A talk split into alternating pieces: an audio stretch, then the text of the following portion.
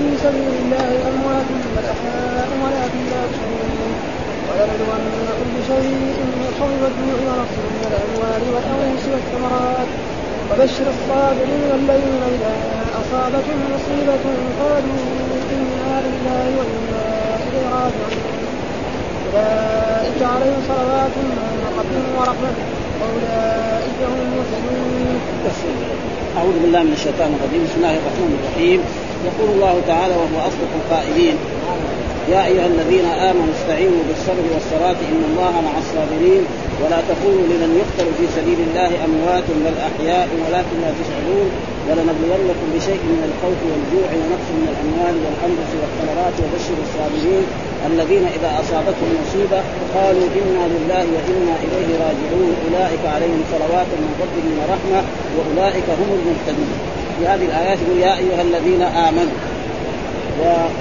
وقد قال عبد الله بن مسعود رضي الله تعالى عنه الصحابي الجليل يقول لكل مؤمن إذا سمعت الله يقول يا أيها الذين آمنوا فاصغي سمع قوله إما أن تؤمر بخير وإما أن تنهى عن شر وهذا كله في القرآن.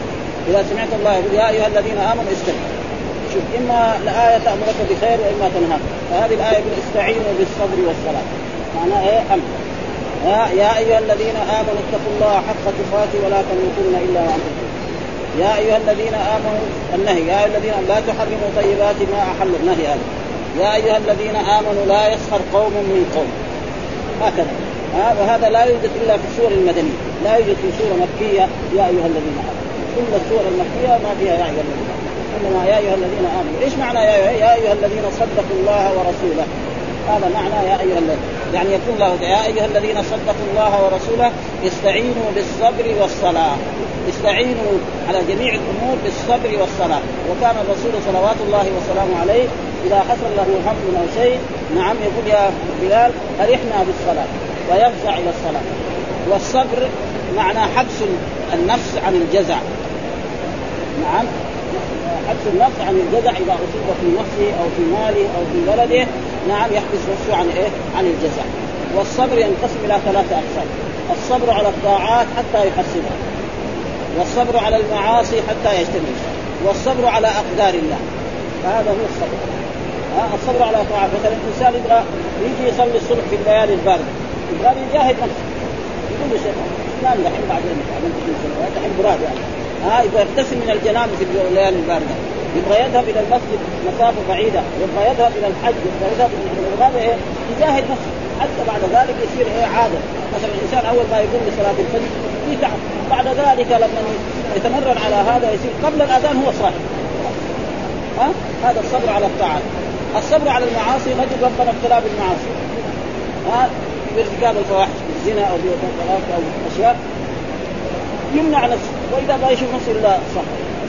كمان يتوب يرجع كمان. وإذا به حتى بعد ذلك تكثر المعاصي. والصبر على اقدار الله ما يصاب الإنسان في نفسه أو في ماله. يموت له قريب. نعم. يذهب ماله. نعم. يعني ثمرة لبستانهم. يعني لا تؤدي الشيء الذي يلزم إلى غير ذلك. مثلا يستدير ويعمل زراعة كبيرة. وإذا تجي ريح تهلك الزراعة كلها. هذا صبر ها فهذا هو الصبر على ها؟ مثلا عنده ابن أو عنده زوجة أو عنده قريب يموت هذا قال يصبر على إيه؟ هذا حتى فهذا معنى يا أيها الذين آمنوا استعينوا بالصبر والصلاة. وهناك قبلها في أول سورة يا الذين آمنوا استعينوا بالصبر والصلاة إنها لكبيرة إلا على الخاشعين. إنها يعني ان إيه؟ الصلاة لكبيرة. القرآن يقول إيه؟ يعني عن عن المنافقين. نعم إذا قاموا إلى الصلاة قاموا كسالى يراؤون الناس ولا يذكرون الله إلا قليلا. الصلاة ما شأن لها شأن عظيم في الإسلام. وتجد ها وجاء في أحاديث صحيحة أثقل الصلاة على المنافقين صلاة العشاء وصلاة الفجر ولو يعلمون ما فيهما لأتوهما ولو والإنسان والصلاة لها شأن فلذلك يا الذين آمنوا استعينوا بالصبر والصلاة إن الله مع الصابرين. وهذه معية خاصة. آه لله معيتان. معية عامة وهي مع جميع خلقه بعلمه وسمعه وبصره. كما جاء في آيات في كتاب الله وهو معكم أينما كنتم. وفي آية أخرى برضه في سورة المجادلة نعم ما يكون من نجوى ثلاثة إلا هو رابعهم ولا خمسة إلا هو سادسهم ولا أدنى من ذلك ولا أكثر إلا هو معه يعني معهم بعلمه وسمعه وبصره. فهذه الآيات معية وهناك معية خاصة إن الله مع الصابرين. معهم إيه؟ نعم يؤيدهم وينصرهم ويؤيدهم ويحفظهم ويعطيهم الأجر الوافي. إن الله مع الصابرين. ولذلك جاء في إنما يوفى الصابرون أجرهم بغير حساب. ها؟ ما في حساب ابدا ها؟ يعطيهم شيء كثير لأن الصبر له شأن عظيم ولذلك في يعني كتاب صغير يعني شوف رايت أنا كان زمان ابن القيم عدة الصابرين. ذكر فيما يتعلق بالصبر وثم الله جمع الصبر مع الصلاة يمكن اثنين وسبعين كثير مواضع في القرآن. عدة مواضع في القرآن أذكرها الحين عددها كثير. ها؟ فيقول يا الذين آمنوا استعينوا إن الله مع الصابر زي ما قال ثاني اثنين اذ هما في الغار إذ يقول لصاحبه لا تحزن إن الله معنا. معنا بإيه؟ بنصره وتأييده وحفظه. قريش يمر من الغار ما يشوفوا الرسول. ها؟ ها؟ كم من فئة قليلة غلبت فئة كثيرة بإذن الله. والله مع الصابرين. ها؟ إن الله مع الذين اتقوا والذين هم محسنون. هذه معية إيه؟ خاصة. ولله معيتان معية خاصة وما وكل إنسان يقول أن وهو معكم أينما أن الله معنا في أي في كل مكان. هؤلاء غلطانون جدا. ها؟ في بعض الفرق الإسلامية يقولوا إن الله معنا في كل في كل مكان. في كل مكان ما يصلح. لأنه في أمكنة يدخلها الإنسان المخلوق. لا تليق بالإنسان المحترم. مثال ذلك لو أن إنسان جالس في مكان عند ملك أو وذهب الملك هذا أو الأمير لبيت الخلاء يجي يقول له فين؟ ما يقول له راح بيت الخلاء يقول له انتظر دحين يجي. يعني. ما يبغى يقول له يا راح وهو غصب عنه لازم يروح بيت الخلاء إذا ما راح بيت الخلاء يروح المستشفى بعدين. ولا يموت كمان مرة واحدة. ضروري هذا ها؟ ما فيها كلام. فلأجل ذلك لا يصلح هذا وهذا غلط. وبعضهم يقول لك لا بس نتركها معكم. الله ما يخاطبنا بشيء ما ما له معنى لازم معكم معنا إما بعلمي أو مع نعم. أو مثلا معية خاصة. وهذا إن الله مع الصابرين. ثم يقول الله تعالى بعد ذلك ولا تقولوا لمن يقتل في سبيل الله أموات. لا تقولوا لمن يقتل في سبيل الله يعني هم اموات يعني اموات هذا خبر مبتدأ محذوف ها ودائما يحضر الخبر المبتدأ ويبدا الخبر كثير موجود في القرآن. اموات يعني هم اموات هذول قتلوا في سبيل الله من أول يعني ما فرض الجهاد على رسول الله وعلى الأمم السابقة لا تقولوا هم اموات ابدا. ها بل هم أحياء في البرزخ. ها يعني أنتم أخذتوهم ودفنتوهم لكن هم أحياء عند ربهم. أحياء عند رب. زي ما قال في آية أخرى في سورة آه ولا تحسبن الذين قتلوا في سبيل الله أمواتا بل أحياء عند ربهم. آه عند ربهم. ما قال عند في القبر. بعض الناس المخرفين يقول لا الرسول حي في قبره. ما يصير هذا. حي في قبره. حي حياة برزخية أعظم الحياة. إذا كان الشهداء أحياء الرسول يصير أعظم. ها؟ الله قال ولا تحسبن الذين قتلوا في سبيل الله أمواتا بل أحياء. عند ربهم. ما قال بس كذا ها؟ عند فإذا إيه؟ الشهداء والناس المؤمنين كلهم. مو بس الشهداء كل مؤمن هو حي لأن الإنسان إذا مات يعني مثلا إيه الجسد في الأرض. هذا الجسد قد تأكله يمكن الأرض. وقد لا تأكله الأرض. أما نص صحيح أن الأنبياء لا تأكل الأرض اجساد جاء في حديث عن رسول الله صلى الله عليه وسلم إن الأرض لا تأكل أجساد الأنبياء. أي نبي من لدن آدم إلى إلى عيسى؟ عيسى لسه ما دفن نعم إلى يعني زكريا هذا تجدهم يعني لو اكتشف عقله كأنهم دفن بها وقد حصل ذلك أن لبعض الناس الصالحين هكذا. يعني مثلا جابر بن عبد الله دفن والده في غزوة أحد لما استشهد. وبعد ثمانية أشهر جاء خرج من القبر وداه قبر ثاني وجدوا كما هو كان دفن والده ما في إلا هنا في عند أذنه يعني شوية الأرض. وجاء السيل في عهد الإمام مالك وكشف عن شهداء أحد. بعد أظن حول 80 سنة ولا أكثر. نعم وجدوا كأنهم دفنوا بالأرض. ليس بعيد أن يكونوا إلى الآن موجودين. يعني عندنا هذه النصوص نحن شفناها. وناس من الصالحين يمكن واحد يكشف عن رجل صالح مات في المدينة في المدينة في في مقبره المدينة يكشف عن التقية ليس ببعيد أما النصوص فوردت في في الشهداء وفي فيقول ولا تقتل ولا تقولوا لمن يقتل أموات بل أحياء. يعني أحياء إيه؟ في البرزخ. ومعلوم أن الحياة ثلاث يعني فيه كم حياة. ها أول الانسان لما يكون في بطن أمه حي. حياة إيه؟ تختلف عن الحياة اللي برا ياخذ يأخذ من إيه؟ يعني من سرته يأخذ. بعدين لما يخرج يغلي من الثدي ثم بعد ذلك يموت يدخل في القبر. برضه أحياء. مثلا لما يكون نايم كمان. ها يجي واحد صحي يصحى. لما يموت لو تيجي الدنيا كلها تبقى ثم بعد ذلك يوم القيامة يقوم ويحاسب إما يدخل الجنة واما فهذه الحياة مختلفة. كل حياة مختلفة عن الحياة الثانية. ها؟ فحياة الدنيا غير وحياه البرزخ غير وحياة يوم القيامة. الحياة الآن زي ما يعني لا هي الحيوان حياة إيه يوم القيامة. هذيك هي الحياة السائله أما هذه كلها حياة زائدة. ولذلك كثير من الناس يعبر في الصحف في الجرائد يقول أن فلان ذهب إلى مثواه الأخير. هذا غلط تعبير القبر ما هو مثواه الأخير. ها؟ قبر إيه؟ يقعد فيه مده من الزمن ثم ينتقل منه إلى ولذلك يقول أن أعرابي لما سمع يعني ألهاكم التكاثر حتى زرتم المقابر قال والله ارتحل. لأن الزيارة ما تصير دائما. معروف واحد زار الأمير ولا زار بيته ولا زار داره يوم من الأيام يروح عن هذا البيت. فلأجل ذلك ولا تقل من اموات بل أحياء. إيه عند ربهم. ها؟ هنا في هذيك الآية عند ربهم. هنا بل أحياء يعني حياة برزخية. هذه الحياة البرزخية أخبرنا بها رسول الله صلى الله عليه وسلم. في قوله تعالى ولا تحسب القرآن ولا تحسبن الذين قتلوا في سبيل الله أمواتا بل أحياء عند ربهم يرزقون فرحين بما آتاهم الله من فضله ويستبشرون بالذين لم يلحقوا بهم من خلفهم ألا خوف عليهم وأخبر الرسول صلى الله عليه وسلم في أحاديث صحيحة أن أرواحهم في حوافل طير خضر تسرح في الجنة وتأوي إلى قناديل معلقة تحت الأرض. وجاء كذلك في غير الشهداء نفس المؤمن نعم معلق في معلقه في في الجنة ثم في شجره في الجنة ثم تاوي إلى قناديل معلقة. يعني مو بس الشهداء إنما الشهداء يكونوا أعلى درجة. والرسول صلى الله عليه وسلم والأنبياء أعلى درجة. ها؟ فالرسول صلى الله عليه وسلم هو في أعلى الدرجات وكذلك الأنبياء وكذلك أولو العزم. ثم يأتي الشهداء ثم يأتي المؤمنون. ولذلك ذكر الله نعم في قوله تعالى وما أدراك ما عليون كتاب مرقوم يشهده المقربون. إلى غير ذلك من الآيات وهذا قال ولكن لا تشعرون. ما حد يشعر. ها يجي عند يكلمون ما ما يجاوب عليه ها؟ و... ثم بعد ذلك يقول الله تعالى ولنبلونكم بشيء من الخوف والجوع ونقص من الأموال والأنفس والثمرات وبشر الصابرين. إيش معنى؟ يعني والله الواو هنا واو القسم يعني ليختبرنكم. ها؟ يعني اختبار. الاختبار والبلاء بمعنى واحد. نبلوكم بالحسنات والسيئات. معنى إيه؟ نختبركم ها؟ ولنبلونكم بشيء من الخوف لأن يأتيكم شيء من الخوف يعني الانسان يخاف على نفسه أو على ماله أو على ولده والجوع يجي مرات يعني يصير جد وقحط فتموت الحيوانات ويصبح الإنسان الغني فقير. مثلا رجل عنده مثلا ألف رأس من الغنم إذا صار جد تموت الأغنام هذه كلها ولا يقدر يسوي شيء. فين يقول نعم نعم. وكذلك إذا ما نزل المطر وعنده زراعة تموت هذه الزراعة. فالله بإيه؟ يشوفكم يعني يبلوكم بهذا وبهذا يبلوك بشيء من الخوف والجوع ونقص من الأموال وكذلك نقص من الأموال. لأن إيه؟ ماله يذهب يسرق المال حقه أو ينحرق المال حقه. نعم. والثمرات والأنفس كذلك يموت له قريب يموت له ابن يموت له زوجة يموت له أخ يموت له صديق يموت ها؟ فلازم إيه؟ نصبر على هذا. والثمرات ها؟ كان عنده بستان وكان مثلا زرع أو يؤمل هذه السنة عنده عنده نخيل. بستان فيه كذا ألف نخلة. على أن إيه؟ هذا النخل يعني يثمر ويبيع الرطب ويبيع التمر ويتصدق بشيء وإذا به في النخل هذا لا يثمر شيء. هو إيه؟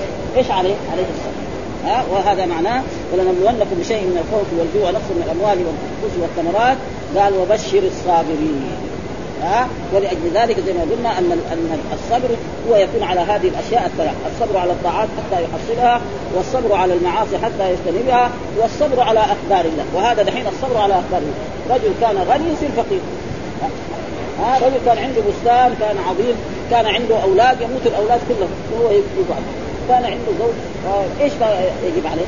يجب عليه أن يصبر ويتقي. ولذلك جاء في الأحاديث الصحيحة عن رسول الله صلى الله عليه وسلم أن المؤمن يعني دائما في خير. إذا أصابه سراء شكر. وإذا أصابه ضراء نعم صبر ها وجاء في هذا الحديث مثل هذه الأشياء وبشر الصابرين يقول ولنبلونكم تارة بالسراء وتارة بالضراء من خوف وجوع كما قال تعالى فإذا اذاق واذاقها الله لباس الجوع والخوف فإن الجائع والخاف كل منهما آه، يظهر ذلك عليه. ولهذا قال لباس الجوع والخوف وقال هنا بشيء من الخوف والجوع أي بقليل من ذلك ونقص من الأموال أي ذهاب بعضها والأنفس كموت الأصحاب والأقارب والأحباب والثمرات. أي لا تغل الحدائق والمزارع كعادتها. وقال بعض السلف وكانت وكانت بعض النخيل لا تثمر غير واحدة. يعني يجي عنده نخيل كثير واحدة منهم تثمر هو كان يامل كل النخيل هذا يثمر فهذا إيش عليه؟ عليه أن يصبر فإذا صبر فإن الله سيعوده ها إذا صبر فإن الله سيعوضه على ذلك يعني امثل هذا. ولهذا قال تعالى أولئك عليهم صلوات من ربهم. وجاء في الحديث الصحيح الذي يعني يبين هذه الأشياء. قال لا يصاب لا يصيب أحد من المسلمين مصيبة فيسترجع عند عند مصيبته. ثم يقول اللهم أجرني في مصيبتي واخلفني خيرا منها بالله وقد حصل لذلك أم سلمة. أم سلمة من أزواج النبي صلى الله عليه وسلم أمهات المؤمنين وكانت تحت أبي سلمة. وابي سلمه هذا كان أخ للرسول صلى الله عليه وسلم من الرضاع. أخوه وقد هاجر الهجرتين. هاجر الهجرة إلى الحبشة أو هجرتين إلى الحبشة ثم هاجر إلى المدينة. وبعد ما عاد إلى المدينة نعم توفي. ها رضي الله تعالى عنه. وكان في بينه وبين وبين رسول الله أخ من الرضاعه فجاء يعني الرسول يعزي أم سلمة. فقال لها قولي اللهم أجرني في مصيبتي واخلف لي خيرا منه.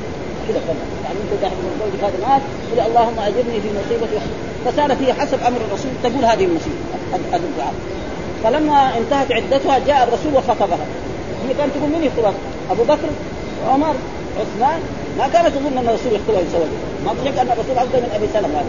فهي حسب أمر الرسول صارت تدعو. فلما انتهت من عدتها نعم خطبها الرسول صلى الله عليه وسلم فعرفت انه إيه ربنا أبدلها خير ثم هي قالت يا رسول الله أنا امرأة يعني عندي غيرة. ما تحب الطبائع وانت عندك ثمانية دحين المشكلة هذه عندك ثمانية نساء. أنا ما أبغى زوج واحد بس. فدل يعني الله الرسول يدعو لها ويزيل هذه الخير طيب وقالت كذلك أنا مرأة كبيرة. يعني في السن يعني مرأة كبيرة. قالت كذلك. الرسول ذاك الوقت يمكن عمره حول ال 50 أو 53 أو قريب فوق يعني فوق قريب ال 60 يعني أو يعني فوق ال 50 لا شك إنه لما خرج من مكة عمره 53 ها؟ ثم قالت عندي أطفال. ها؟ يعني عيال. يعني لأن عندها عمرو بن أبي سلمة وزينب بنت أبي سلمة. فقال إن هذول عيالي ورزقهم على الله. فتزوجها رسول الله وصارت من أمهات المؤمنين ومن زوجات رسول الله صلى الله عليه وسلم. وكانت مراه يعني عظيمة جدا حتى أنها يعني كانت يعني تخف مع رسول الله صلى الله عليه وسلم في كثير من الأشياء زي ما قال الله تعالى. يعني المرأة تكون سكنا للزوج. يعني الرجل لما يصاب بشيء أو شيء يشوش عليه في ذهنه يجي يقول لزوجه إذا كانت هي عاقلة تخفف عليه.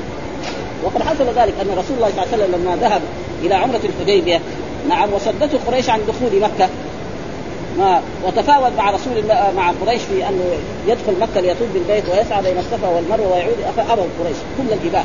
قالوا أنت تخرج منا سرا واليوم تدخل بعد ذلك يقول العرب إنه يا محمد دخل عليكم بالقوة فأبوا كل الايمان فأمر الرسول أصحابه أن يحلقوا رؤوسهم ويذبحوا هديهم فتوقف فدخل الرسول على أم سلمة وقال لها هكذا أنا آمر والناس ما يأتون. فقالت هي أم سلمة يا رسول الله أنت اخرج وانحر هدية واحلق راسك فإذا الرسول فعل إيه؟ ما حد يوقف خلاص. ها؟ أبدا. ها؟ وهذا إيه؟ كانت إيه؟ مرأة عاقلة. يعني هذا معنى ما يبين أن إيه؟ المرأة إذا كانت ولأجل ذلك الصبر يعني له فوائد. ويكفي ذلك قال إنما يوفى الصابرون أجرهم بغير حساب يعني بغير مكيال. ها؟ جاء في الأحاديث الثانية الحسنه بعشر أمثال إلى 700 ضعف إلى أضعاف كثيرة فإذا الصبر إيه؟ يكون إيه؟ أكثر ويكفي ذلك هذه الآية التي يقول الله تعالى فيها نعم آه وبشر الذين إذا أصابتهم مصيبة مصيبة في نفسهم أو في أموالهم أو في أولادهم قالوا إنا لله وإنا إليه راجعون يقول هذه إنا لله وإنا إليه راجعون إيش الجواب؟ قال أولئك عليهم صلوات من ربهم ورحمة أولئك عليهم صلوات إيش الصلوات؟ جاء بعض الأحاديث يقول أنها الرحمة والظاهر إن عليهم صلوات هنا يعني ثناء من الرب سبحانه وتعالى وأن الله يوقيهم ورحمة. يعني أعطاهم إيه؟ عدلان يعني زي ما يكون الإنسان لما يحمل على البعير كيس من هنا وكيس من هنا. ها؟ بعد ذلك وأولئك هم المهتدون. هذه زياده يعني زي ما انسان مثلا جمال عنده بعير يركب هنا جهة ويكون قد بعض. ثم يجي في الوسط يحط كمان إيه؟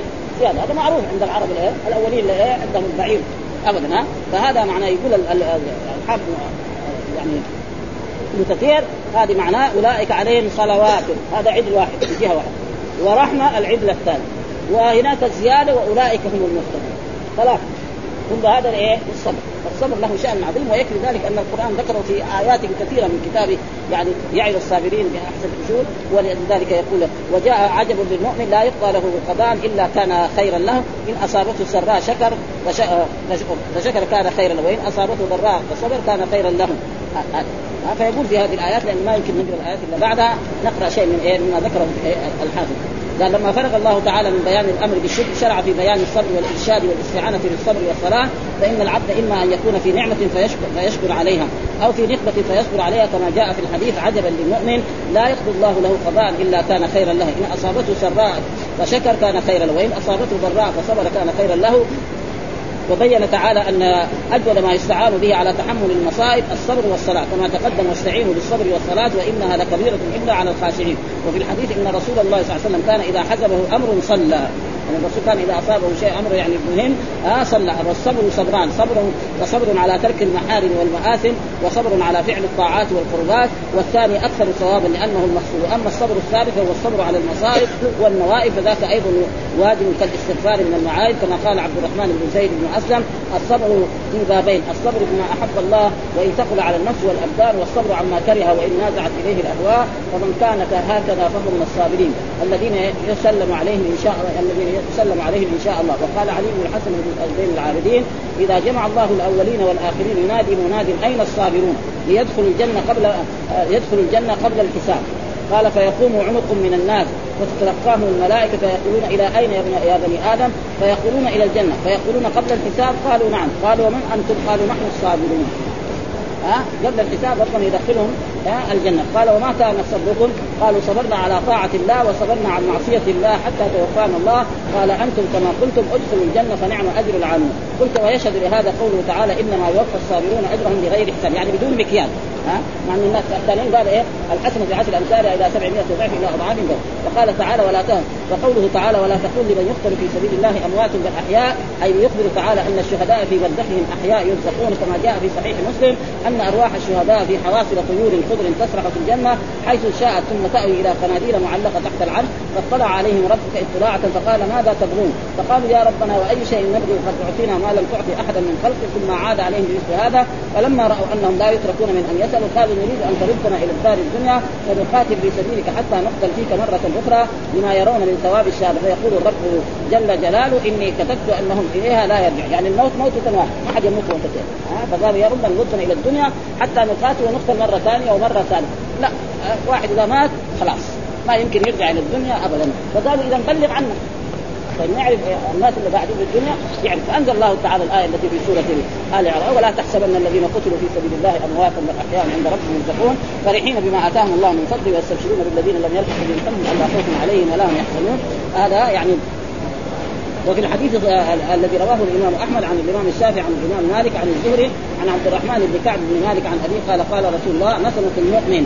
وإذا إذا هذه كذلك مو بس الشهداء نسمة المؤمن طائر متعلق في شجر الجنة حتى يرجعه الله إلى جسده يوم يبعث. وفيه دلالة على عموم المؤمنين أيضا وإن كان الشهداء قد خصوا بالذكر في القرآن تشريفا لهم وتكريما وتعظيما. ثم قال ولنبلونكم بشيء من الخوف والجوع نقص من الأموال والأنفس والثمرات وبشر الصابرين الذين إذا أصابتهم مصيبة قالوا إنا لله وإنا إليه راجعون. أولئك عليهم صلوات من ربهم ورحمة وأولئك هم المهتدون. قال أخبرنا تعالى أنه يبتلي عباده أن يختبرهم ويمتحنهم كما قال تعالى ولنبلونكم حتى نعلم المجاهدين منكم والصابرين ونبلو أخباركم فتارة بالسراء وتارة بالضراء من خوف وجوع كما قال تعالى فأذاقها الله لباس الجوع والخوف. فإن الجائع والخافي كل منهما يظهر ذلك عليه، الجائع بعدين لو كان يعني صحة قليلة يصير اسمر بعدين يصير أكثر كمان، ها بعدين يمكن يموت كمان، فيصير إيه؟ يعني ولهذا قال لباس الجوع وقال بشيء من الخوف والجوع اي بقليل من ذلك. ونقص من الأموال أي ذهاب بعضها والأنفس كموت الأصحاب والأقارب والأحباب والثمرات لا تغل الحدائق والمزارع كعادتها. وقال بعض السلف وكانت بعض النخيل لا تثمر غير واحدة. وكل هذا وأمثال مما يختبر الله به عباده. فمن صبر اتابه ومن قنط حل به عقابه. ولهذا قال وبشر الصابرين وقد حكى بعض المفسرين أن المراد من الخوف هنا خوف الله وبالجوع صيام رمضان. وهذا ليس بصحيح. ها ونقص من الأموال والزكاة والأنفس والأمراض والثمرات والأولاد. وفي هذا نظر والله تعالى ثم بين تعالى من الصابرين الذين شكرهم الله فقال الذين إذا أصابتهم مصيبة قالوا إنا لله وإنا إليه راجعون. أي تسلوا بقولهم هذا. عما تسلوا بقولهم هذا عما أصابهم وعلموا أنهم ملك لله يتصرف في عبيده بما شاء وعلموا أنه لا يضيع لديه مثقال ذرة يوم القيامة فاحدث لهم ذلك اعتراف بأنه عبيد وأنهم إليه راجعون في الدار الآخرة. ولهذا أخبر تعالى عما أعطاهم عن ذلك قال أولئك عليهم صلوات من ربهم أي ثناء من الله عليهم. وقال سعيد بن جبير أي أمة من من أمنة من العذاب وأولئك هم المهتدون. قال أمير المؤمنين عمر بن الخطاب نعم العدلان ونعمة العلاوة. زي علاوة الموظف دحين؟ ها؟ الموظفين يعني في عصرنا هذا الموظف. يبغى يغلق السنة حتى تجي له علاوه ها؟ فهذا العلاوة كذا. ها؟ يعني اولئك مهتدون اذا اصابتهم قالوا إنا لله وإنا إليه راجعون. أولئك عليهم صلوات من ربهم هذا واحد عدل. ها؟ ورحمة العدل الثاني. والزيادة أولئك هم المهتدون. وهذا يعني يعني جميل من إيه من جهة أولئك هذه العلاوه وهي ما توضع بين العدلين وهي زيادة في الحمل. وكذلك هؤلاء أعطوا ثوابهم وزيدوا أيضا وقد ورد في ثواب الاسترجاع وهو قول إنا لله وإنا إليه راجعون عند المصائب أحاديث كثيرة. ومن ذلك ما رواه الإمام أحمد حيث قال حدثنا يونس آه بن محمد حدثنا الليث إلى آخره عن عن أم المطلب عن أم سلمة. قالت أتاني أبو سلمة يوما من عند رسول الله صلى الله عليه وسلم فقال لقد سمعت من رسول الله قولا سررت به. قال لا يصيب احدا من المسلمين مصيبة فيسترجع عند مصيبته. ثم يقول اللهم اجرني في مصيبتي واخلف لي خيرا منها إلا فعل ذلك به لا فعل ذلك أو فعل ذلك به. قالت أم سلمة فحفظت ذلك منه. فلما توفي أبو سلمة استرجعت وقلت اللهم اجرني في مصيبتي واخلف لي خيرا منها. ثم رجعت إلى نفسي وقلت من أين لي خير من أبي سلمة؟ ها فلما انقضت عدتي استأذن علي رسول الله صلى الله عليه وسلم وأنا ادبغ ايهابا يعني جلدا ها. فغسلت يدي من القرض الذي إيه آل للدماغ وأذنت له فوضع فوضعت له وسادة قد من حشوها لي فقعد عليها فخطبني إلى نفسي. يعني يريد إيه فلما فرغ من مقام قلت يا رسول الله ما بي ألا يكون بك رغبة ولكن امرأة في غير في في, في غيرة شديدة فأخاف أن ترى مني شيئا يعذبني الله به. يعني مثلا ما أقابلك مقابلة طيب ربنا يعذب إذا كان اساء إلى رسول الله. وأنا قد دخلت في السن. وأنا ذات عيال. قال فأما ما ذكرت من الغيرة فسوف يذهبه الله عز وجل. وأما ما ذكرت من السن فقد أصابني مثل الذي أصاب. الرسول كمان سن ذاك الوقت قريب من الستين. ها؟ يعني يمكن. فقالت ام ثم بعد ذلك فقال سلمت لرسول الله ثم تزوجها رسول الله. قالت أم سلمة بعد. أبدلني الله بأبي سلمة خيرا من رسول الله صلى الله عليه وسلم في صحيح مسلم عنها أنها سمعت رسول الله يقول ما من عبد تصيبه مصيبة فيقول إنا لله وإنا إليه راجعون. اللهم أجرني في مصيبتي واخلف لي خيرا منها. إلا أجره الله في مصيبته له خيرا. فلما توفي أبو سلمة آه، قلت كما أمرني رسول الله فأخلف الله لي خيرا منه. رسول الله صلى الله عليه وسلم وقال الإمام أحمد كذلك آه، عن أبيها عن الحسن بن علي عن النبي صلى الله عليه وسلم قال ما من مسلم ولا مسلمة تصاب بمصيبة فيذكرها وإن طال عهدها وقال عباد قدم عهدها فيحدث لك استرجاعا إلا جدد الله لك عند ذلك فأعطاه مثل أجرها يوم أصيب. رواه ابن ماجه إلى غير ذلك. وقال عن فاطمة عن أبيها قال لي ألا أبشرك؟ قلت بلى. قال حدثني الضحاك ابن عبد الرحمن بن هازل عن قال قال رسول الله صلى الله عليه وسلم قال يا ملك الموت يا قبضت قبضت ولد عبدي آه، قبضت ولد عبدي قبضت قرة عينه وثمرة فؤادي يعني الله يأمر ملك الموت أن يقبض يعني شخص يكون ما عنده إلا ولد واحد. فيقول له خلاص هذا قبض فإذا قبضه بعد ذلك الله يسأل هذا ملك الموت إيش سوى هذا عبده؟ قال استرجع. قال إنا لله وإنا إليه راجعون. وصبر على هذه المصيبة. فيقول هذا هذا قال رسول الله قال الله يا ملك الموت قبضت ولد عبدي قبضت قرة عيني وثمن قال نعم. قال فما قال؟ قال حمدك واسترجع. قال الحمد لله. ها قال ابن له بيتا في الجنة وسموه بيت الحمد. ها ثم رواه عن علي وهكذا. فالصبر له إيه؟ أجر عظيم ولذلك الصبر يعني موجود في كثير من الايات والحمد لله رب العالمين وصلى الله وسلم على نبينا محمد وعلى آله وصحبه وسلم.